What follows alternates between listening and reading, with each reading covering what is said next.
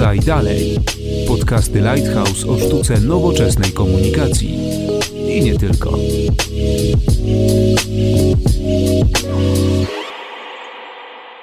Dzień dobry, Konrad Domański. Zapraszam na 26 odcinek podcastu Lighthouse Podaj Dalej. W trakcie nagrywania tego odcinka jeszcze trwa cały czas Euro 2020. Trwa dla wielu reprezentacji, ale nie dla naszej kadry, bo my już jesteśmy po zakończeniu fazy grupowej i jesteśmy po ostatnim meczu ze Szwedami. O tym spotkaniu, ogólnie o piłce nożnej dzisiaj, ale nie tylko pod względem sportowym, również pod względami komunikacyjnymi, biznesowymi będę rozmawiać z naszymi gośćmi. Jest z nami Dariusz Tuzimek, dziennikarz sportowy, autor książek piłkarskich, głównie dla młodszych czytelników, w tym książki Lewandowski Jak wygrać marzenia. O tej książce sobie troszkę porozmawiamy. Dzień dobry. Dzień dobry. Jest z nami również e, Jarosław Bańda, ekspert do spraw komunikacji, można tak rzec, z Lighthouse. Dzień dobry. Ale też e, prywatnie wielki fan sportu i osoba, która z komunikacją sportową w związku z rozgrywkami piłkarskimi między innymi miała już do czynienia. Panowie, no nie da się uciec od tematu, no jakby nie patrzeć porażki jednak naszej kadry, porażki sportowej, ale czy też porażki komunikacyjnej, bo pojawiało się wiele takich zarzutów, że po meczu ze Słowacją już, no nie wszystko pod względami komunikacyjnymi poszło jak należy.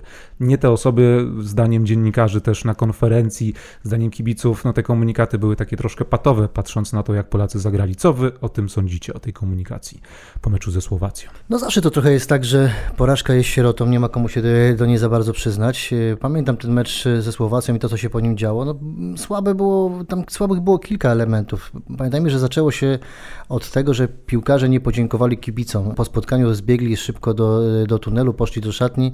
Chyba byli mentalnie nieprzygotowani na to, że mogą przegrać ze Słowacją. Kibice podnieśli tę kwestię i potem nawet piłkarze przepraszali. A potem się okazało, że na spotkanie z mediami jest wypchnięty Tymoteusz Puchacz, zawodnik młody, zawodnik dopiero wchodzący do kadry, czyli znowu nie zabrakło liderów. Liderzy gdzieś się schowali, e, nie było tych największych. Następnego dnia e, Robert Lewandowski wydał takie oświadczenie, jakby czy, czy zrobił wpis na e, jednym z mediów społecznościowych i w tym się odniósł do tej, do tej porażki.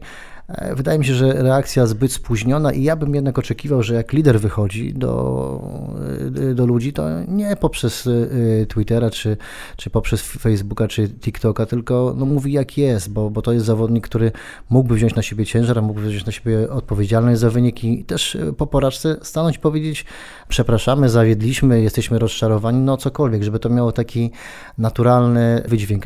To komunikowanie się poprzez media społecznościowe w takiej sytuacji akurat uważam za mało udane.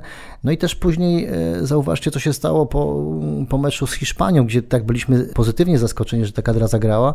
Jakaż musiała być niewiara w ten zespół w, w służbach PR-owych PZPN-u, że ustalono, że już przed meczem poszedł komunikat do mediów, że tego dnia e, w niedzielę po spotkaniu z Hiszpanią nie będzie żadnych aktywności medialnych z piłkarzami. No i co to znaczy? No, spodziewano się, że będzie lanie i będzie kogokolwiek ciężko namówić na to, żeby pojawił się przed kamerami, przed dziennikarzami.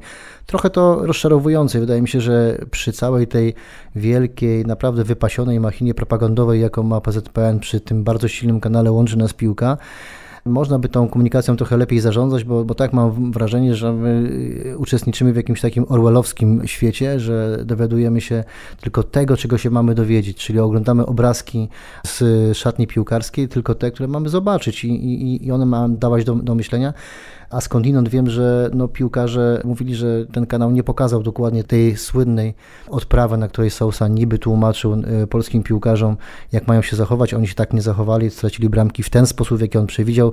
Piłkarze powiedzieli, no szkoda, że nie zostało pokazane wszystko. Ja mam takie wrażenie, że ten mecz ze Słowacją, właściwie jego wynik zaskoczył związek nie tylko strony sportowej, ale też od strony komunikacyjnej. I wydaje mi się, że, a właściwie jestem tego pewien, że tam nie było scenariusza komunikacyjnego na okoliczność porażki. Mam takie wrażenie, że to było trochę taka próba gaszenia pożarów wystawienie Tymoteusza Puchacza, tak jak Darek wspomniał, tam zdaje się chyba też e, Przemysław Frankowski. Maciej Rybus. Maciej Rybus brał udział w tej, w tej, w tej konferencji. No okej, okay, oczywiście zawodnik zdecydowanie bardziej doświadczony, z dłuższym stażem w reprezentacji, no ale na pewno nie, nie, nie pierwszoplanowa postać, nie, nie lider.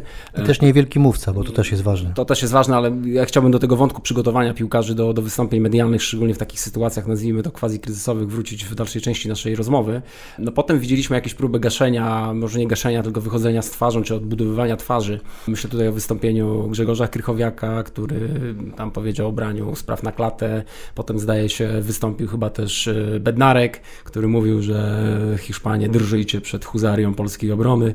Dla mnie to było takie dziwne dosyć porównanie, bo huzarię do tej pory kojarzyłem raczej z atakiem niż z obroną, ale wiecie, już nie, nie, nie, nie wchodźmy w szczegóły. Ale potem się okazało, że nawet atakowali. Tak, tak, tak. No jednak mimo wszystko y, zaskoczyli nas piłkarze chyba na plus y, postawą sportową w meczu z Hiszpanią, ale wracając do, do, do komunikacji, no nie mam takiego wrażenia, żeby PZPN miał jakiś plan komunikacji na okoliczność porażki ze, ze Słowacją. E, czytam to jako jedną wielką um, improwizację. No i trochę, trochę myślę ucierpiał na tym nie tylko wizerunek związku, ale też samej reprezentacji, myślę też poszczególnych piłkarzy. Ja wam powiem, że mam takie wrażenie, że akurat, bo o tej Huzari się wiele mówiło i rzeczywiście ten Bednarek naraził się na to, że, że będzie z niego szydera, no bo ktoś tutaj wspominał o Huzari po przegranym meczu ze Słowacją, my tutaj Hiszpanię, ta armada hiszpańska, tak to dziennikarz ładnie zawinął. Ja widziałem, jak ten Bednarek się męczył potwornie na tej konferencji. Widziałem człowieka zdenerwowanego, człowieka, który dostaje razy po plecach, tak jakby ktoś lał batem, kiedy dziennikarz go nawet zapytał wprost, czy oni rozumieją, co do nich mówi Sousa, bo Sousa mówi po angielsku, a ten Bednarek e, już dwa lata gra w Anglii, w Southampton, także widziałem, że dla niego to było po prostu przykre, że on to źle znosił i jestem pewien, że akurat to wystąpienie było autentyczne, bo ja miałem e, wątpliwą przyjemność uczestniczyć w wielu konferencjach prasowych, gdzie to jest takie mm, drapanie po szkle, powiedział. Idą pytania, idą odpowiedzi e, od piłkarzy, takie mm, okrągłe, pełne waty, bez żadnej treści. Mistrzem w, tym, w tej sztuce był Adam Nawałka, czyli mówił bardzo długo, bardzo nieciekawie, bardzo nudno, bez żadnej treści. Niby grzecznie odpowiadał, niby się uśmiechał, a uważał, że w dobrym tonie i w dobrym stylu jest nic nie mówić, tak żeby się nie dowiedzieli dziennikarze i przez to się nie dowiedzieli też rywale. To chyba jakaś jest psychoza tak, i, tak, i taka polska specjalność, bo przecież tacy trenerzy jak, nie wiem, Jurgen Klopp, czy Mourinho, czy, czy, czy, czy Guardiola, oni wszyscy konferencję prasową wykorzystują do, do komunikacji, do komunikacji z kibicami, ale też z własnym zespołem. Oni potrafią, czy z rywalem nawet, prawda? Potrafili, Mourinho wielokrotnie prowokował Guardiolę czy Barcelonę, kiedy jeszcze był w Realu Madryt na przykład, tak? I to było takie, taka celowa rozgrywka, pewna taktyka nawet trenerska. Natomiast u nas e, jest taka długa tradycja, że dobra, wyjdę i powiem kilka oklepanych zdań, że tak się gra, jak przeciwnik pozwala, mecz ma zawsze dwie odsłony, e, w futbolu nie ma słabe uszy i tak dalej dalej, i tak dalej. Słyszeliśmy to już mnóstwo razy.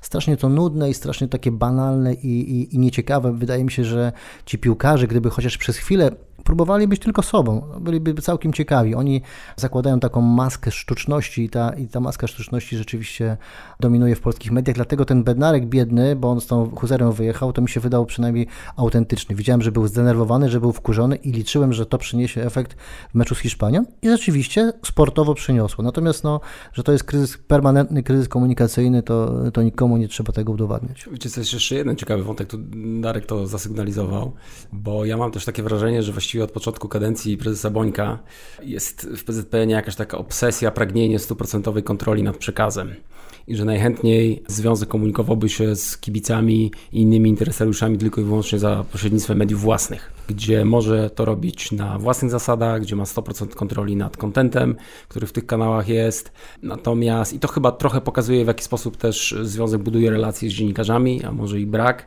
To wiem, że Darek masz jakieś spostrzeżenia trochę w kontekście euro i tego, jak zorganizowane jest biuro prasowe wokół polskiej reprezentacji, no ale mam wrażenie, że ten system przestaje działać w momencie, kiedy mamy do czynienia właśnie z sytuacją kryzysową, i troszeczkę sytuacja wymyka się spod kontroli. No i należy jednak uwzględnić to, że no pojawia się pośrednik w postaci dziennikarzy, w postaci mediów, którzy chcą wiedzieć, chcą pytać, chcą drapać. E, czy to robią skutecznie, czy nie, to jest pewnie temat trochę na nie wiem czy na tą rozmowę, czy na inną, ale widzę, że akurat ta strategia w zderzeniu z, no jednak mimo wszystko dużą negatywną niespodzianką, jak, jak, jaką była porażka ze Słowacją, chyba jednak nie zadziałała. No chyba też w ogóle nasz, nasza kadra, no może PZPN po prostu nie był gotów na to, że my zakończymy euro na fazie grupowej. No jednak chyba dla wszystkich, biorąc pod uwagę jak rozszerzone zostało to euro, minimum była jedna... Wiecie, jesteśmy, przepraszam, że tak wchodzę słowo, ale wiecie, jesteśmy po konferencji Zbigniewa Bońka, prezesa PZPN-u, no i widać już mniej więcej jaka jest jest narracja na przyszłość. No nie mam takiego wrażenia, żeby ktoś to chciał wziąć na klatę i stwierdził, że mamy jakiś problem, no tylko, że jesteśmy na ścieżce, no potknęliśmy się wprawdzie na pierwszym korzeniu, ale drogą idziemy słuszną. No właśnie, czy to był pierwszy korzeń, bo moim zdaniem potknęliśmy się już y, na 8 meczów 7 razy, a tylko raz się nie potknęliśmy, gdy droga była prosta, bo to była Andora złożona z, pół, z. Y, trochę mi Paulo Sousa przypomina takiego kierowcę, któremu dajemy samochód i mówimy, no weź się tu przejeść. O, rozbił się na pierwszym zakręcie. Może jeszcze raz się przejedź. Znowu się rozbił, trzeci raz się rozbił, piąty, ósmy. To, to zaraz mamy mu cały czas dawać nowe samochody i on ma, ma ten, nam te samochody rozbijać. Ja jestem zdruzgotany tą, tą dyskusją w ogóle o tym, żeby dawać Sousie i następną szansę, bo gdyby taką historię przeżył Jerzy Brzęczek, gdyby miał takie wyniki Jerzy Brzęczek, czyli zdobyłby jeden punkcik w tej grupie, gdyby stracił sześć bramek, gdyby zajął czwarte miejsce w grupie, przecież myśmy mieli apetyty na, na pierwsze, na, na drugie, no może niekoniecznie pierwsze, bo przecież drugie też nam dawało wyjście z grupy, mieliśmy te apetyty bardzo, bardzo duże, a, a jednak przyszło gigantyczne rozczarowanie i myślę, że związek na to nie był zupełnie gotowy. Bardzo wygodnie w okresie w pandemii, w, w, tym, w tym czasie, kiedy można wszystko wytłumaczyć względami bezpieczeństwa, żeby się nie rozprzestrzeniał koronawirus, e, można zablokować dziennikarzy, ponieważ nie ma już spotkań bezpośrednich. Spotkania są tylko na konferencjach prasowych. W ogóle dziennikarze nie mają takiego dostępu do piłkarzy w czasie całych mistrzostw, czyli na e, twarzą w twarzy nie mogą się spotkać, żeby ten, właśnie to panować nad, całym, nad tym całym przekazem. I tu jest e, moim zdaniem wielki problem, ponieważ to jest zupełna nieprawda z tym, z tym są bańką sanitarną, że ci piłkarze przybywają w bańce sanitarnej, no i mogą się spotkać z dziennikarzami. W tym czasie spotykają się z rodzinami, piłkarze widzieliśmy na obrazkach e, nawet z tego portalu Łączy Nas Piłka, jak wychodzą e, w Sopocie do ludzi, robią sobie zdjęcia, selfiaki. Na treningu były dzieci zaproszone, z trybun zeszły, podpisywał się im Lewandowski, rozmawiał, więc to jest tak trochę o, mamy koronawirusa, możemy powiedzieć, że nie, nie, nie ma żadnych spotkań, czyli kontrolujemy ten przekaz jeszcze bardziej. I, i to jest y, moim zdaniem absolutnie chore i to jest błędna taktyka, bo ci ludzie wszyscy, ci piłkarze, jak się z nimi prywatnie rozmawia, to to są ciekawi chłopcy, to są, to są, to są mężczyźni, którzy mają coś, coś do powiedzenia, e, mógłbym powiedzieć, jak to przeżywają, natomiast tu jest e, cały czas taki, mam, mam wrażenie, że uczestniczymy w czymś, co jest teatrum, takim e, przedstawieniem dla zewnętrznej publiczności, myślimy sobie, a pewnie tak trzeba, pewnie tak wymaga. I zobaczcie, co nam się najbardziej podoba, kiedy ci ludzie są autentyczni, kiedy są prawdziwi, kiedy ten glik ryknie, kiedy mu się tam nawet wyrwie jedno czy drugie przekleństwo i nie jest to motyla noga.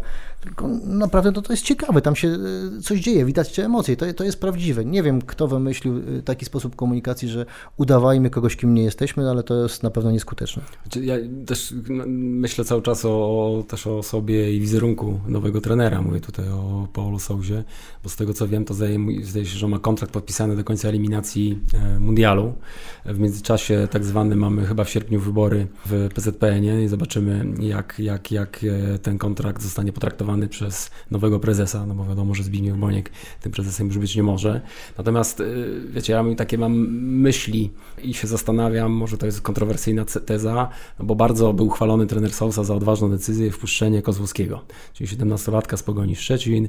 No, mm, niektórzy dziennikarze stawiali tezę, że jakby tutaj trenerem reprezentacji był Polak, to by się nigdy nie wydarzyło. Ja teraz, wiecie co, patrząc na to z perspektywy tych trzech meczów eliminacyjnych, to ja nie wiem, czy to jest robione po to, że rzeczywiście Sousa wierzy w Kozłowskiego że on może wygenerować jakąś wartość dodaną dla tej drużyny, czy to jest taki zabieg wizerunkowy, no żeby jednak troszeczkę sobie punktów e, u opinii publicznej nabić. I to jak patrzę na to z dystansu i miałbym obstawiać, to raczej bym postawił na ten drugi scenariusz, co mnie troszeczkę martwi. To ja przychylam się do, do tej opinii, bo myślę, że za bardzo dbał o ten PR, ale ten PR jest taki od początku drewniany. Ja z lekkim zażenowaniem patrzyłem na te pierwsze konferencje prasowe, kiedy w pierwszym słowie Souza odniósł się do Jana, Jana, Pawła, Jana Pawła II, jak pojechał e, papieżem Polakiem, mówię o... I dziękuję to, za każde pytanie. Tak? tak, dziękuję za każde pytanie, ale mm, i potem tej tej waty bardzo dużo jest w tych wypowiedziach. On bardzo pięknie mówi, bardzo ładnie opowiada, tylko mu się e, ta, te idee nie, nie spinają z rzeczywistością, bo przecież my nie po to zatrudniliśmy trenera, e, żeby nam opowiadał ładnie, tylko żeby ta drużyna grała ładnie i przełożenie idei na, na grunt rzeczywistości mu zupełnie nie wyszło. Rozjeżdżają mu się te, te dwa światy, natomiast on idzie w zaparte i to mnie jeszcze bardzo martwi, bo e, po tym meczu ze, ze Szwecją został zapytany, czy teraz, z perspektywy czasu, po tym jak wie, jak to się wszystko zdarzyło, e, jak to wszystko przebiegało, to czy on by inaczej poprowadził przygotowania? A on mówi, nie, nie, wszystko było dobrze, jesteśmy na właściwej ścieżce, idziemy w dobrym kierunku, poprawiliśmy grę, grę defensywną. E, wiecie, to, to jest nawet nie, nie zaklinanie rzeczywistości, to jest mówienie nieprawdy, no bo my nie poprawiliśmy gry defensywnej. Tracimy bramki e, w każdym meczu, tracimy bramki przeważnie jako pierwsi, musimy odrabiać. To jest po prostu opowiadanie e, czegoś innego niż wszyscy, wszyscy widzą. Jest trochę tak, to jest jakiś pewnie polski kompleks niestety, że my tenorowi z zagranicy dajemy dużo więcej fory. Od razu ma u nas kredyt zaufania. Przychodzi, mówi po angielsku, powiedzmy świetnie wygląda, prawda? Szczupły, wysoki, nienagannie skrojona koszula, do tego kamizeleczka. To wszystko jest ba bardzo fajne i uczestniczymy w jakimś takim e, sztucznym show i, i, ludzie się dają na to nabrać niestety, bo ja myślałem, że no jak ktoś zaczyna od papieża, to znaczy, że słabiutko będzie z argumentami merytorycznymi. Potem rzeczywiście, no, yy, przecież ten Souza wiedział o tym, że mamy do Mistrzostw Europy tylko kilka miesięcy. I nagle zabiera się za przebudowę jakby całej idei grania w reprezentacji, za przebudowę taktyki, za przebudowę z, atakowania. Czyli być może my jesteśmy w rękach szaleńca, nie, nie, nie trzeba mu dawać kolejnej, kolejnej szansy. Tymczasem no Zbigniew Boniek, który najbardziej lubi mieć rację zawsze i, i mówi, nie, spokojnie, gdyby było 10 sołzów w polskiej piłce, to byłoby tylko lepiej. No ja nie, nie widzę żadnych podstaw. Wyniki y, tego nie potwierdzają, a piłkarze między sobą prywatnie i, i w, w, kontaktach z dziennikarzami wcale nie potwierdzają, że ten Souza ich tak urzekł, bo no to też jest takie teatrum przed każdym dużym turniejem, że atmosferę to mamy świetną i nie gadamy o niczym innym, tylko o atmosferze. Wiecie co, ja tak już, żebyśmy do, do następnego wątku poszli, ja, ja tak po ludzku jako kibic czuję się oszukany.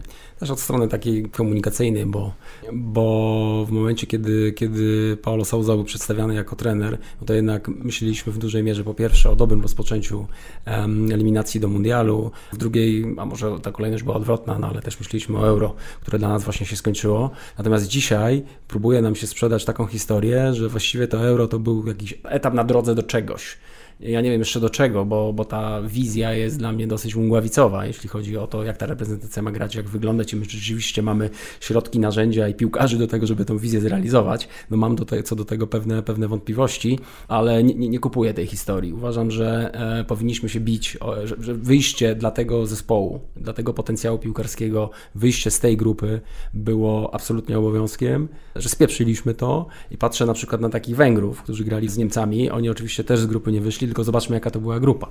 Francja, Portugalia, Niemcy. Stawiam Polskę na miejscu Węgier i myślę, że większość z nas by pomyślała, to może lepiej tam nie jedźmy. Ale też rozmawialiśmy z Darkiem przed nagraniem, że gdyby na miejscu Paulo Souzy dzisiaj był Jerzy Brzęczek, no to te emocje i myślę, że ta narracja byłaby zupełnie inna. Nie, to zdecydowanie, ale też, też ja bezpośrednio po spotkaniu widziałem tweety osób związanych ze sportem albo osób, które kiedyś były związane ze sportem, że no, całą winę ponosi Zbigniew Boniek, który marnuje najlepsze pokolenie piłkarzy swoimi decyzjami. To jest odważna teza, no ale no, nie można od tego uciec, że to jednak... Wiadomo, że Zbigniew Boniek nawet w tej konferencji, dzisiaj przed nagraniem oglądaliśmy, e, Darek, ty też oglądałeś tę konferencję, twierdził, że oczywiście on bierze porażkę na siebie, ale za kwestie sportowe już nie odpowiada i to jest takie właśnie kręcenie się cały czas e, wokół tego samego tematu, okrągłe słowa, tak jak wspominałeś, które no, no, no, tak naprawdę nie jest to przyznanie się do czegokolwiek, tylko cały czas odciąganie odciąganie od siebie tego tematu. Mnie się wydaje, że tak realnie patrząc, to, to właśnie Zbigniew Boniek jest takim największym bankrutem tutaj, jeśli chodzi o tą wizerunkową, wizerunkową o tę ideę, ponieważ on w żadnym momencie nie wziął tej porażki na siebie tak uczciwie, tylko no tak, jak chcecie wrzucać, no to wrzucajcie mi, e, taka jest narracja, ja nie będę dołączał do tego tłumu, zawsze są niezadowoleni, ja widzę wielkie zmiany, pozytywnie, gramy do przodu, a że ktoś jest niezadowolony, jego sprawa i tam od razu nawiązał do, tych swoich, do tej swojej kadencji, że przecież tak świetnie zmieniał polską piłkę i tak dalej, i tak dalej. I oczywiście Boniek ma wiele zasług, jeśli chodzi o, o tę rewolucję w, w polskiej piłce, szczególnie wizerunkową. Po tych e, mrocznych wiekach Grzegorza Laty, co nie było takie trudne, bo to jest naprawdę, no, myśmy byli na, e, na, na, na, na tragicznym poziomie, więc to pójście włożenie w, te, w ten PZPN jakiejkolwiek dozy profesjonalizmu musiało wystrzelić jak winda do góry I, i rzeczywiście tak było. Natomiast mam wrażenie, że po tej pierwszej kadencji Zbigniew Boniek się bardzo mocno rozleniwił, zadowolił tym, co zrobił i potem to już było takie odcinanie kuponów. Ja uważam, że ta decyzja ze zmianą Brzęczka była skandaliczna także z tego powodu, że on wcześniej bardzo mocno Brzęczka bronił i mówił w listopadzie jeszcze, czy na początku grudnia, że Brzęczek absolutnie zostaje, że zrealizował wszystkie założenia, jakie przed nim postawiono, że stawiał na młodzież, że awansował, że wprowadził nowych, nowych piłkarzy do, do drużyny. I potem na samym końcu się e, okazuje, że Brzęczek jest e, potraktowany jak, jak byle kto. To też jest um, taka historia, że mi się wydaje, że tenera z zagranicy by nikt w ten sposób nie, nie, nie, nie potraktował. Czyli nie, no, Leo Benhacker? Nie szanujemy, nie szanujemy sami siebie, ale Leo Benhacker dostał drugą szansę, bo w 2008 pojechał na Euro, w, na, w Euro nie wyszedł z grupy i dostał drugą szansę. On chciał chyba dostać jeszcze trzecią szansę, ale wtedy to już było mhm. pozamiatane, a Grzegorz e, Lato był trochę bardziej bezpośredni niż, e, niż ktokolwiek, kto mógłby w cywilizowany sposób zwalniać Benhakera, nie, nie na, na stadionie i, i od razu. Chcę powiedzieć tylko jeszcze jednym, jednym zdaniem o, o tej decyzji Bońka, że dla mnie to było takie postawienie nadziei i emocji 40-milionowego narodu na ruletkę. Ja gram na ruletkę i ja to postawię, bo ja wygram. A, a jak nie wygrałem, no to co, no, y, nie mam pana palta i więc go nie oddam, dziękuję, no i co, i co dalej. No to ja, wydaje mi się, że to jest klęska wizerunkowa Zbigniewa Bońka, aczkolwiek wiem, że tam wielkie oddziały posłusznych dziennikarzy będą dzielnie pracowały na to, żeby ten wizerunek cały czas y, odgruzowywać, odmalowywać i, i dopieszczać i zaraz się okaże, że tak naprawdę to osiągnęliśmy wielki, sukces, jeden punkt, czwarte miejsce na Mistrzostwach Europy. W bardzo ciężkiej grupie zresztą. Może... A, a słuchajcie, bo tak się zastanawiam, tak, że może podsumować albo zamknąć ten, ten temat euro, bo nie wiem, waszym zdaniem ktoś, ktoś wizerunkowo zyskał jakby z tej grupy, jak patrzymy na piłkarzy, nie wiem, trenera, otoczenie reprezentacji, ktoś wychodzi, nazwijmy to starczą z tej całej sytuacji, jeśli chodzi o wizerunek? Robert Lewandowski na przykład. No właśnie, ja mam problem z Robertem Lewandowskim, bo też e, jako autor e, e, książki o Robercie Lewandowskim przyglądam się temu, co robi. No, gdybym ja był w jego tak zwanym stafie, to bym mu powiedział, że słuchaj, no jak dostaliśmy w Ciry ze, Słow ze Słowacją, jesteśmy na to nieprzygotowani, wejdź do ludzi, powiedz jak człowiek, że jest ci przykro. Myślę, że ludzie, ludzie to zrozumieją, bo ludzie kochają Roberta. Myślę, że nie znają wielu szczegółów z tej reprezentacji, nie wiedzą jakie są układy, nie wiedzą jak ta grupa ze sobą funkcjonuje, bo to też jest kwestia, ale to pewnie na inną, na inną rozmowę, jak y, przebudować tę kadrę, żeby ona była, żeby ona działała na, na zdrowych zasadach, żeby trener był znowu panem, a nie, y, a nie zawodnicy, bo ja mam wrażenie, że już tak było za Brzęczka, tak jest za Sołzy i myślę, że nawet jak przyjdzie następny trener, to będzie miał z tą grupą piłkarzy bardzo ciężko i, i bardzo pod górę. Oczywiście Robert się obronił sportowo i to też pokazuje, że nie jest prawdą to, co mówi Zbigniew Bonik, że my ofensywnie fajnie gramy i strzelamy bramki. No, bramka, którą strzelił Lewandowski na 1-0 to była bramka, którą by strzelił w Bayern Monachium w taki sam sposób, wynika z jego indywidualnych zdolności. Czyli na, na, na 1-2, co mówisz o tej bramce, tak? E, tak, tak, tak. Pierwsza, pierwsza, pierwsza bramka reprezentacji, tak. On był w, w narożniku tam pola karnego, był bardzo daleko i strzelił po długim no, w taki sposób, że można było tylko bić brawo to nie była akcja jakaś wielka, wysofistykowana, przygotowana.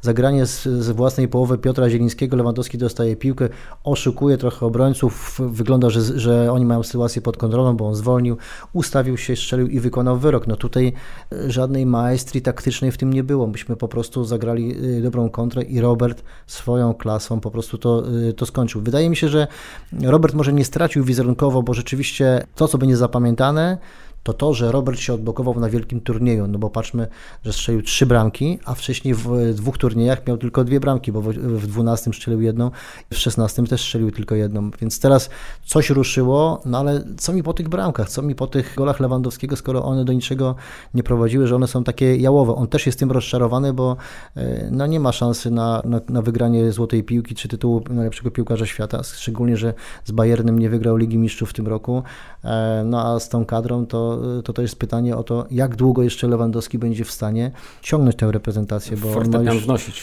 po no, ma 33 lata dzisiaj, następny mundial jest na szczęście za rok, więc to nie jest tak bardzo, bardzo długo, tak, no ale mam wrażenie, Musimy że, na niego najpierw się dostać. Nie? że pewne pokolenie się kończy. Właśnie, musimy się dostać na mundial, gdzie jesteśmy na czwartym miejscu, wychodzi tylko pierwsza Baraże drużyna, drużyna trudne. baraże bardzo, bardzo trudne. Dzisiaj nas wyprzedza y, Albania, Węgry i Anglia. Y, Jakoś czarno to widzę. Może zamknijmy faktycznie już ten temat reprezentacji, ale od euro nie uciekamy, bo no, euro trwa, trwa dalej. To, to bardzo ważna impreza pod kątem właśnie piłkarskim, sportowym, ale też e, biznesowym, bo nie ma co ukrywać, ale gdzie piłka nożna, gdzie duże imprezy, tam też olbrzymie pieniądze. Nie macie wrażenia, że to euro nie ma, teraz może już ma, ale przed startem nie było takiej otoczki jak zawsze przed wielkimi imprezami, że no, na każdym kroku z lodówki wręcz wyskakiwali nam piłkarze, wiedzieliśmy już, że za, zaraz zaczyna się wielka impreza. Mam takie wrażenie, że no gdzieś przeniosło się to trochę do sieci faktycznie, bo po pierwsze wszedł duży sponsor, który, no jakby nie patrzeć, to jest dosyć przełomowe, że portal społecznościowy, tak można powiedzieć, TikTok jest jednym z głównych sponsorów całej tej imprezy. Po drugie mieliśmy też, też kilku innych sponsorów, którzy może nie byli tacy, tacy oczywiści, ale też no, przed samym euro nie było tego wszystkiego, takiego nakręcenia się na wielką imprezę. Dopiero z kolejnymi meczami, a tu trzeba powiedzieć, że pod względem sportowym naprawdę jest to fajna impreza, dopiero to się nakręca. No trochę jest tak, że wydaje mi się, że myśmy nie nadmuchali tego balonika nadziei, ponieważ nie było wielkich nadziei. Te całe ostatnie pół roku reprezentacji to były marne wyniki, to było to jedno tylko zwycięstwo z Andorą i nawet jak ono było w marcu, to ja sobie nie wyobrażałem, że na koniec czerwca nadal jedyne zwycięstwo, jakie będzie miała reprezentacja, to będzie zwycięstwo z półamatorską jednak drużyną, jaką jest reprezentacja Andory.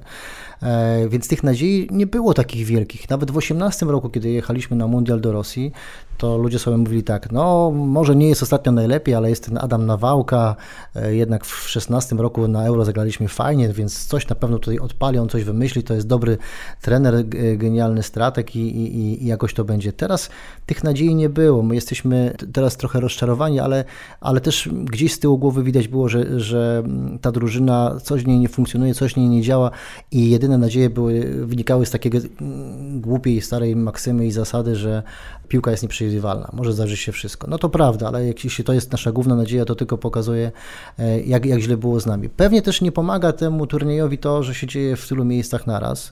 Ktoś powiedział fajne zdanie, które tutaj sobie zapożyczę, że UEFA wymyśliła, żeby Mistrzostwa Europy były wszędzie, w związku z tym atmosfery mistrzostw nie ma nigdzie. To jest moim zdaniem trafiony w punkt, bo gdzieś, gdzie widziałem trochę szaleństwa, to jest oczywiście stadion w Budapeszcie, gdzie rzeczywiście te emocje buzowały. Natomiast patrząc na taki szerszy wymiar, przypomnijmy sobie, co się działo w Polsce w 2012 roku. Pamiętacie te 2012 euro w Polsce i na Ukrainie, gdzie ludzie nakładali te biało-czerwone skarpetki na lusterka samochodu, gdzie były flagi, gdzie wszyscy żyli. Tych emocji teraz, teraz nie było. Gdzieś to się wszystko pogubiło. Nie wiem, jaki wpływ na to miała pandemia, ale na pewno miała.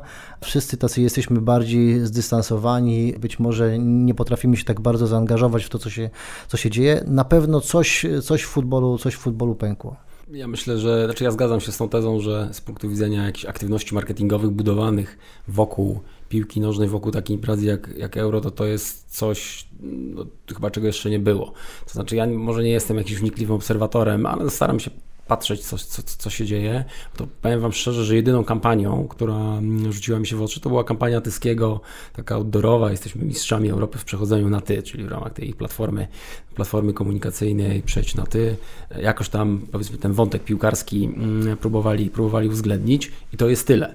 I teraz zastanawiam się, skąd to się bierze. Myślę, że głównie bierze się z tego, że no jesteśmy no w jakimś takim czasie zaraz po pandemii, gdzie myślę była mała wiara marketerów w to, że robienie czegoś w rzeczywistym świecie, w offline, organizowania, wiecie, jakichś stref kibica, próba aktywizacji ludzi w oparciu o jakieś takie działania w, w rzeczywistym świecie, no, że to się nie uda, że z dnia na dzień ktoś znowu wprowadzi jakieś ograniczenia, zainwestujemy duże budżety i to, to, to spali na panewce. Myślę, że z tego to mogło wynikać, ale no, nie widziałem też jakiejś komunikacji marketingowej, nawet, nawet sponsorów reprezentacji, no właśnie opartej o tą, o tą, o tą, o tą imprezę. Tyskie to była, to była jedyna rzecz, która w oczy mi się rzuciła i jestem troszkę trochę tym, tym zaskoczony, ale myślę, że to wynika też z pewnego znaku zapytania, który zaczyna się rysować wokół piłki nożnej jako dyscypliny, na ile ta dyscyplina jest jeszcze w stanie budzić globalne emocje, na ile jest w stanie jest rozpalać wyobraźnię kibiców, na ile jeszcze jest efektywnym wehikułem e, marketingowym dla firm, które w oparciu o piłkę nożną próbują e, robić swój marketing, próbują sprzedawać swoje, swoje produkty. No to się też robi ogólny problem dla sportu, no bo wiadomo, że, że te tradycyjne kanały cały czas istnieją, ale dla młodszego pokolenia coraz bardziej atrakcyjny staje się e-sport, czyli e, ten wirtualny świat, ta wirtualna rozgrywka, gdzie coraz więcej tak naprawdę też idzie biznesów za tym, coraz więcej środków jest na to przeznaczonych. Rozmawialiśmy przed naszym dzisiejszym podcastem o, o tym, że coraz więcej też artykułów pojawia się na temat tego, że faktycznie piłka nożna dramatycznie traci widzów, tych klasycznych widzów przed telewizorem. Tak, to jest jakiś problem. Wydaje mi się, że taką praprzyczyną to jest y, to, że futbol się strasznie skomercjalizował i, i te wszystkie organizacje, które go obsiadły, UEFA, FIFA i wszyscy y, telewizje, y, wszyscy chcą na tym, na tym futbolu zarobić i to jest, jest problem, bo, bo tych meczów jest za dużo. Nastąpiła dewaluacja meczów, wartości tego. Kiedyś pamiętam, jak jako, jako dzieci się czekało na mundial, kupowało skarb kibica, analizowało te składy i tak dalej. I te skarby kibice nadal wychodzą, tylko już nam się nie chce uczestniczyć w, te, w tej zabawie, bo tego wszystkiego jest za dużo. Spójrzmy, co teraz y, niedawno zrobiła UEFA. Od tego roku, od tego sezonu, który się za chwilę zaczyna, jest prowadzone, są trzecie rozgrywki europejskie puchary, czyli mamy Ligę Mistrzów, później Ligę Europy i teraz Ligę Konferencji. To jest oczywiście taka Liga Mistrzów dla, dla ubogich, no ale tam będą grały polskie drużyny i my będziemy oglądali mocowania polskich zespołów zespołami z, z Macedonii, z Kazachstanu, e, z Rumunii, z Bułgarii no to nie są takie emocje, dla których ja bym w stanie poświęcić e, czas, który mogę spędzić z rodziną, kiedy mm, mogę, nie wiem, e, zrezygnować z, z wycieczki poza miasto, z jazdy na rowerze, e, z przyjemnego oglądania serialu na Netflixie. Wydaje mi się, że za dużo tego wszystkiego jest. Kalendarz imprez jest wyładowany i w zasadzie bez przerwy coś się dzieje. Kończy się jedna impreza, za chwilę się zaczyna następna. Jeszcze się mistrzostwa nie skończą, już się rozpoczną europejskie puchary. My za parę dni będziemy rozmawiali o blamarzu polskich drużyn w europejskich pucharach. No to jest mm, o tej, zawsze o tej porze, prawda? Co roku o tej porze. I to jest y, taka, taka praprzyczyna. I rzeczywiście dla młodych, dla młodych y, ludzi piłka już nie jest taka atrakcyjna. Tam się wszystko za wolno dzieje, trzeba temu poświęcić 90 minut. Dzisiaj dzieci mają problem, żeby się skupić na czymś, co, co trwa y, dużo krócej. Telefon jest, jest pod ręką, można zobaczyć, co się dzieje w internecie. Futbol ma z tym problem, stąd były te wszystkie pomysły z Superligą, były pomysły, e, jak ściągać młodych, młodych, jak przyciągać młodych. Ja nie widzę na razie skutecznych, skutecznych takich pomysłów, które by, by fajnie e, wypaliły, no bo też e, nawet sam sposób, w jaki e, UEFA ugasiła bunt tych największych klubów, które chciały założyć Superligę, też pokazuje, że UEFA też nie ma żadnego na to pomysłu, żadnego, żadnego ciekawego. Oni oczywiście, to jest jakby jedna grupa kontra druga grupa i, i nikt nie ma lepszego pomysłu na, na to, co, co zrobić z futbolem, ale też zawsze to rozśmiesza, jak UEFA się ubiera w takie, w, takie, w taki strój, w takie piórka, że no my bronimy futbolu, tego prawdziwego, realnego futbolu. Tutaj się możni zebrali i chcieli nam odebrać ten prawdziwy futbol. I to mówią ludzie, którzy stworzyli Ligę Mistrzów, którzy e, nieustannie e, tworzą nam kolejne bariery i zasieki do, do tego, żeby takie drużyny z takich krajów jak Polska nie awansowały, bo nam jest bardzo trudno awansować. Właśnie dlatego, że mamy cztery etapy do pokonania i zaczynamy grać e, o Ligę Mistrzów na, na początku lipca, kiedy polskie kluby nie są na to zupełnie gotowe. Ten dystans się cały czas e, powiększa, no ale jednocześnie to zakłamanie, ta hipokryzja, to jest festiwal hipokryzji, że no my jesteśmy za prawdziwym futbolem, e, kiedy tak naprawdę jednym i drugim chodziło tylko i wyłącznie o pieniądze. Ja się zgadzam z Darkiem, że piłka nożna jako dyscyplina ma bardzo poważny problem marketingowy. Gdzieś e, rzuciło mi się w mediach w oczy takie badanie zrobione przez Europejskie Stowarzyszenie Klubów, i z tego badania, słuchajcie, jednoznacznie wynika, że w tej grupie, która tam komercyjnie jest najbardziej atrakcyjna, czyli 16-24, tak zwane pokolenie Z, to w tej grupie piłka nożna ma największy negatywny elektorat. Ja sobie tutaj przygotowałem ściągawkę. Słuchajcie, 13% z osób z tej, z tej grupy 16-24 piłki nożnej nienawidzi, nienawidzi, a 27% w ogóle się nią nie interesuje.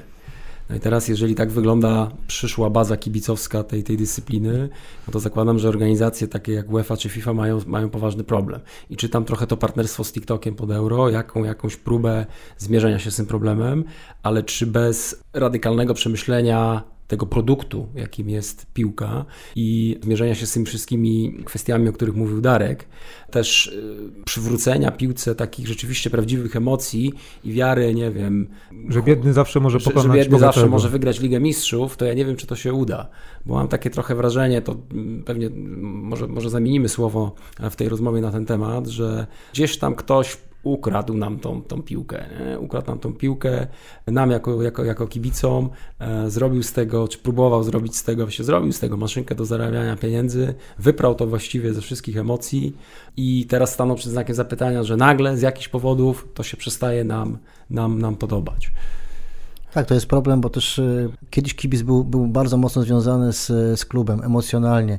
Ja pamiętam, że jak chciałem mieć pierwszy szalik swojego ukochanego klubu, to musiała mi go wydziargać babcia, tak, czy ktoś taki, e, bo, bo, bo nie było tego całego marketingu. Dzisiaj ten kibic jest traktowany jako klient. On ma przyjść, kupić bilet, kupić hot doga, kupić popcorn, wydać pieniądze na klubowe gadżety, no ale pomysłu na to, żeby go lepiej wiązać z klubem, żeby on się identyfikował, żeby żył, jest, jest bardzo mało.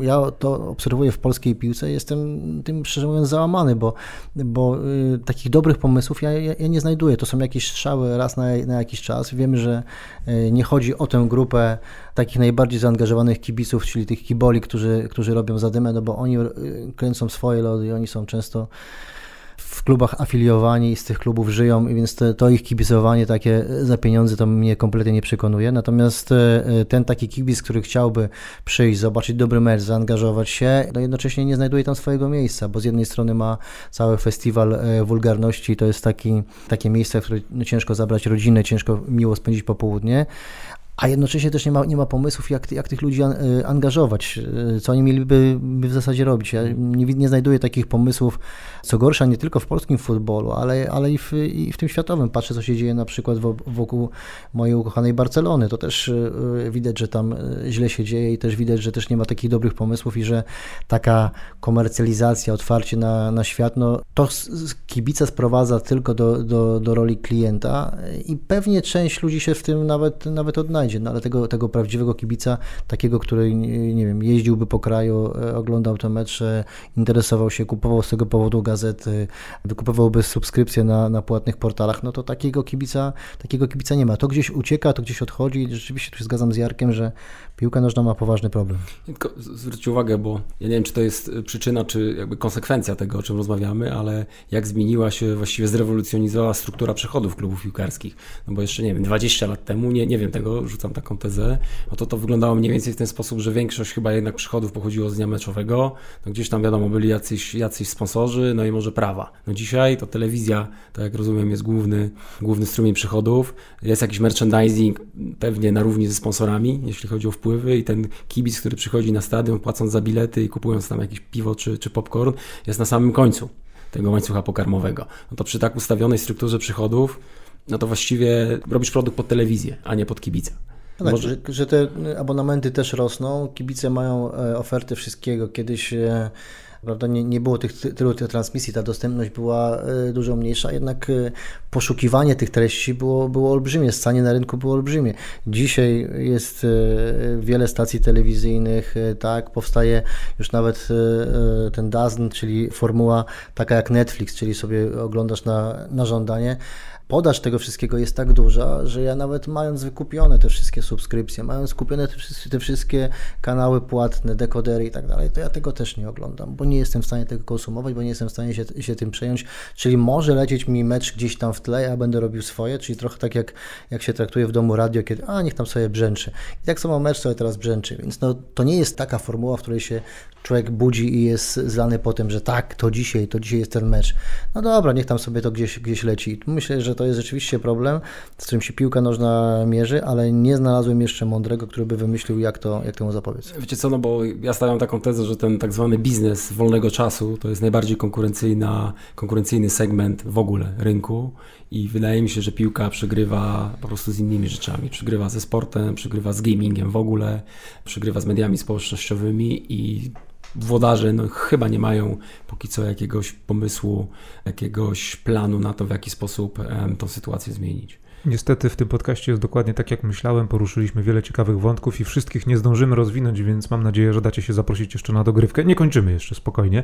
Jeszcze chciałem poruszyć dwa tematy, ale do jednego wrócę, do, do tego, jak wspomniałeś o tych wszystkich dekoderach e, i innych platformach, to muszę przyznać, że telewizja polska ogólnie, jako dostawca tych treści, które potem konsumowaliśmy, no dowiozła, bo jednak w internecie bardzo rozwinęli swoją po pierwsze aplikację, po drugie tych transmisji było naprawdę du dużo różnych. Jak się komuś nie podobał Szpakowski, no bo wiadomo, że akurat do, do tego komentatora często, często są zastrzeżenia, to mógł słuchać sobie komentarz z trybun, a raczej w ogóle głosy z trybun, czy w ogóle bez, bez dźwięku. Tak samo jednak, jednak stabilność tej aplikacji była bardzo duża, więc widać też, że, że te telewizje jednak no, widzą, że muszą po prostu się otwierać na internet. Nie mogą się zamykać całkowicie na tego widza innego niż przysłowiowy Janusz przed telewizorem. No rzeczywiście e, to wszystko się rozwinęło. To jest no trudno, żeby telewizja polska z takim budżetem, z takim e, e, wsparciem finansowym ze strony państwa, bo przecież to nie jest tak, że to jest komercyjna telewizja, która dzięki temu, że zarobiła gigantyczne pieniądze na nie wiem, e, sprzedaży e, praw do euro, e, to mm, do, do innych telewizji albo do sprzedaży abonamentu, to za, za, ma na to środki, żeby to opakować. No to pompowana olbrzymia, olbrzymia, gigantyczna jednak kasa z Mm, od, od, państwa, no przekłada się na to, że ta, że, ta, że ta jakość jest, czyli jest bardzo dużo e, tych programów. Ja jestem czasem nawet zaskoczony, że na jednym meczu jest studio meczowe w Warszawie, studio meczowe na stadionie i jeszcze jest oddanie głosu na Morawę, bo tam jest, że jest ekspert z reporterem. No to jest takie barokowe, powiedziałbym, że to jest takie bardzo, bardzo śmiałe. Ja pracowałem w telewizji y, komercyjnej i wiem, że tam, gdzie się liczy pieniądze swoje, to się tak, tak tego y, luźniutko nie wydaje. Natomiast rzeczywiście, uczciwie y, mówiąc, jest tego dużo, jest publicystyka, może się spierać, czy ten mm, albo tamten ekspert to jest właściwy ekspert, ale to już pewnie jest sprawa indywidualna każdego z nas. Ktoś komuś pasuje, ktoś komuś nie, nie pasuje. Nie mogę powiedzieć, żeby miał za mało tych informacji, raczej mam, mam za dużo. E, ja bym wolał, jedyne czego nie mam, to takich wyrazistych ekspertów. Ja bym chciał usłyszeć e, czasem, żeby ktoś nie opowiadał mi okrągłych zdań, tylko żeby powiedział mi tak, jak jest, bo zdaje się, że e, media społecznościowe, prawda, robią też taką karierę także dlatego, że są bardzo bezpośrednie. Nie chodzi mi tutaj o, o, o hejt, czy o wyzwiska, czy o, o, jakieś tam wulgaryzmy, ale żeby mówić o sprawach takimi, jaki, jakie są. Telewizja jeszcze nie przeskoczyła, nie wskoczyła na taki schodek, żeby przejść do takiej komunikacji bezpośredniej. Wydaje mi się, że tego trochę, trochę brakuje. Lubię, jak są sprawy nazywane po imieniu, lubię dziennikarzy odpytujących prezesów, trenerów, piłkarzy w taki sposób, jak myślą kibice, a nie tak, jakby się ustawiali w kolejkę po, po wywiady i w związku z czym nie mogą być zbyt agresywni, nie mogą zadawać trudnych pytań, no bo popadną w niełaskę i wtedy ten dziennikarz odcięty od, e, od gwiazdorów i od, e, od przychylności związku nic nie będzie mógł zrobić. Mm. Znaczy ja zgadzam się, że telewizja polska odrobiła zadanie domowe, jeśli chodzi o mm, kanały cyfrowe, tak to nazwijmy, ale chyba nie mieli innego wyjścia, bo patrząc na wyniki oglądalności, porównując na przykład mecz otwarcia Polaków na tym euro, gdzie okej, okay, on był o 18, więc to nie jest jakaś super atrakcyjna pora, ale, ale, ale mm, oglądało go 7,5 miliona widzów, to porównując to z meczem otwarcia z Senegalem z Mistrzostw Świata w Rosji w 2018 roku, no to tam ten mecz oglądało 16,5 miliona mm, widzów. I e, wydaje mi się, że telemetria nie zbiera tych danych e, internetowych, w sensie z tych kanałów cyfrowych, no więc telewizja na pewno dostrzega to, że część tych widzów przeniosła się do internetu i że oni muszą być z tym kontentem dostępni również w, w internecie. I tak jak zauważyłeś, mam takie wrażenie, że to zadanie zostało odrobione całkiem, całkiem fajnie. Chciałbym jeszcze wrócić do, do dwóch dosyć ważnych tematów, ale to tak jak wspominałem przed momentem, chyba odłożymy to na inną rozmowę. Mam tutaj na myśli m.in. komunikowanie piłkarzy, czyli pracę nad ich PR-em i to, dlaczego Superliga tak koncertowo zawaliła komunikacyjnie. To może po dwa zdania na temat no Superligi, no właśnie, bo to jest mój ulubiony to dwa, temat. To tak, to jeszcze dwa zdania możemy na ten temat powiedzieć, bo, bo chciałem dosłownie słów kilka też usłyszeć o książce, którą Darek tutaj ma ze sobą dzisiaj w studio. Ale najpierw Superliga. Dlaczego tak, a nie inaczej się stało. No ja byłem załamany tym, jak, jak zobaczyłem, jak Superliga wprowadziła swój, swój e, produkt na rynek, bo to przecież to, że oni się spotykają i knują tam, to, to się dzieje od lat. To przecież to nie jest, to nie była sprawa, która nie wiem, wybuchła w piątek, wydarzyła im się w niedzielę i zostali zaskoczeni, bo akurat nikogo z ich agencji PR-owej nie było w pracy i nie zdążyli włączyć zarządzania kryzysowego. Wydaje mi się, że to e, było strasznie położone PR-owo, nieprzygotowane, natomiast zwróćcie uwagę, jak szybka i jak perfekcyjna była reakcja UEFA ta PR-owa. Mhm. Czyli od razu udało się ich ustawić do narożnika, do kąta. To są ci, którzy wam kradną ten prawdziwy futbol. Chcą wszystkie pieniądze dać do naj, najbogatszych klubów, chcą na tym zarabiać, komercjalizować. Tak? I to mówią ludzie, którzy stworzyli Ligę Mistrzów i te wszystkie bariery dla, yy, dla biednych, żeby tam, tam, tam nie awansowali. Wydaje mi się, że tu był dramatyczny błąd, że nie przejęto tej komunikacji, nie, nikt nie, nie miał pomysłu na to, jak ten pomysł, jak tą ideę fajnie zwodować, jak ją fajnie opowiedzieć, jak pokazać, że ona jest atrakcyjna, bo potem tam przecież były mm, pomysły, były konkretne rozwiązania, że y, część tej kasy gdzieś tam płynie na, dół do tych, do tych niższych y, pięter tej, tej piramidy piłkarskiej i należało to wyeksponować. UEFA nie jest organizacją, która byłaby chociażby o jotę lepsza. Jest do, dokładnie taka, taka sama, tylko udało im się wygrać tą komunikację. Zaraz się zaraz pokazano, jak to kibice w jednym klubie, w drugim protestują. Oczywiście cały czas e, szybka reakcja e, szefów, że tu was wyrzucimy na 10 lat, na 15, zabierzemy, piłkarze będą dyskwalifikowani, piłkarze nie będą mogli grać w Superlidze, bo nie będą potem mogli grać w Mistrzostwach Europy i Mistrzostwach Świata. I od razu to była tylko walka o, o interesy. Natomiast to, jak to Superliga położyła PR-owo, to to jest po prostu case taki na, na to, żeby zrobić na tym, na, te, na tym duże studium. W pełni się zgadzam i nie mam tutaj nic do dodania poza tym, że zastanawiam się, jak do tego doszło. No bo przecież to nie jest tak, że się, wiecie, no skrzyknęło paru prezesów z B-klasy i stwierdzili, że oni teraz robią jakąś tutaj zamkniętą tak, poważne, poważne banki były w to zaangażowane. Zamknię, dokładnie, no przecież JP Morgan chyba dawał jakąś gwarancję poważnych pieniędzy na to, a tutaj no to zrobili to właśnie jak, jak, jak prezesi B-klasowych klubów, którzy chcą zrobić zamkniętą ligę dla, na, na terenie powiatu. Ja myślę i stawiam taką tezę, nie wiem, Darek, czy się zgodzisz, że mo, może to była jakaś kwestia kulturowa, bo z tego co wiem, mocno w ten projekt byli zaangażowani ludzie z Manchester United, tam Amerykanie, Glazerowie i może, być może to było takie myślenie, no bo wiecie, no model e, zawodowych zamkniętych lig w Stanach typu NBA, NFL i tak dalej, no to jest coś oczywista oczywistość. I być może z ich punktu widzenia no to było tak, ten model jest tak naturalny, że stwierdzili, wiecie, no to jest najlepsze rozwiązanie, nic mądrzejszego człowiek z punktu widzenia biznesowego nie wymyślił, no to po co to tłumaczyć? I to jest dla mnie jedyne wytłumaczenie, że gdzieś tam w tych ich ustaleniach ten aspekt komunikacyjny został pominięty. Zgadzam się, że UEFA bardzo szybko zareagowała, bardzo szybko ten pojedynek się skończył i to będzie myślę case, który będzie długo będzie jeszcze analizowany i opowiadany. I my też na pewno będziemy do niego wracać. Darek, jeszcze słów kilka o książce, którą wydałeś tuż przed Euro 2020, odbywającym się w 2021 roku, czyli Robert Lewandowski, Jak wygrać marzenia. O czym jest ta książka i dla kogo? To jest książka, taka biografia Roberta Lewandowskiego dla dzieci i młodzieży, tak mniej więcej w wieku 7-15 lat. Ja już y, taką książkę wcześniej napisałem, bo też napisałem książkę i o Neymarze, i o Barcelonie, i o Legii dla, dla dzieci, ale chciałem, żeby ta książka była czymś więcej niż tylko taką zwykłą biografią wielkiego sportowca, jakim jest oczywiście Robert Lewandowski, tylko żeby była taką mocną pigułą motywacyjną dla dzieci e, do tego, żeby e, walczyło o swoje marzenia. Bo wiadomo, że e, nie każdy pójdzie, albo mało kto pójdzie drogą Roberta Lewandowskiego. No nie zostaniemy my tutaj wszyscy i nasze dzieci, nie wygramy Ligi Mistrzów, nie, nie będziemy najlepszymi piłkarzami świata. Ale pewne zachowania Roberta, pewne wybory, pewna konsekwencja, dążenie do perfekcji, upór, zdolność do wszelkich poświęceń jest do powtórzenia dla każdego. Ja uważam, że to jest taka prawda uniwersalna, płynąca z kariery Lewandowskiego, że warto rodzicom i warto dzieciom pokazywać, że idąc tym, tym tropem, cały czas myśląc o tym, e, by, będąc sfokusowanym na celu, można ten cel osiągnąć. I to nie jest tylko cel dla, dla piłkarzy czy dla sportowców, tylko jeśli chcesz być tancerką, youtuberem, strażakiem, lekarzem, pielęgniarką, wszystko jedno, możesz to robić bardzo dobrze, jeśli będziesz tym konsekwentny.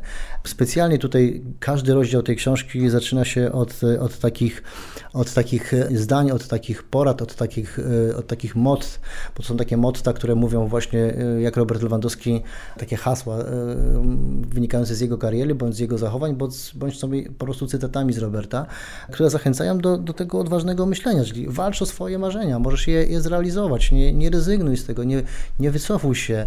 Można na, na, tym, na, tym, na tym wiele zyskać, może nie osiągniesz samego księżyca, no ale orientuj się na gwiazdy, wiele się dowiesz. Nawet takie rozwiązania zastosowaliśmy w tej książce, że gdzieś tam na marginesach stron są takie żaróweczki, żeby się pewne idee, pewne zachowania, pewne wybory Roberta y, młodemu czytelnikowi podświetlały, żeby sobie tak pomyślał, aha, jest żaróweczka, to coś ważnego, żeby zwrócić na to uwagę, jak się zachował Robert, a po przeczytaniu książki mogę do tego wrócić i, i sobie łatwo odnaleźć te, te miejsca i, i, i, to mi pokaże, że skoro tutaj chłopak z małego Leszna pod Warszawą został najlepszym piłkarzem świata, tak, zaczynał gdzieś tam przy domowym ogródku kopiąc piłkę z pieskiem, zaszedł daleko, bardzo, bardzo wysoko. Zobaczcie, jaki jest boom na te szkółki piłkarskie. Jak się, e, oczywiście to też są orliki, bo mają te dzieci gdzie grać, ale nagle no, stało się modne granie w piłkę, prawda? Te dzieci tym przykładem Lewandowskiego się bardzo mocno zaszczepiły i dzisiaj w świecie, gdzie musimy rywalizować o ten wolny czas e, młodych ludzi, gdzie trzeba, trzeba o to walczyć, żeby jednak no, nie siedziały cały czas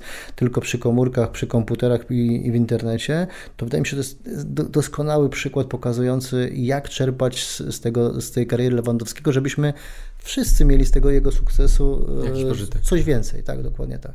Zachęcamy gorąco do lektury książki, a Wam panowie bardzo dziękuję za e, dzisiejsze spotkanie. Przypominam, moimi i Waszymi gośćmi byli Dariusz Tuzimek. Dziękuję bardzo. Oraz Jarosław Bańda. Dziękuję. Konrad Domański. Do usłyszenia w kolejnych odcinkach podcastu Podaj Dalej. Spodobał Ci się nasz podcast? Podaj dalej i śledź naszą stronę oraz kanały społecznościowe.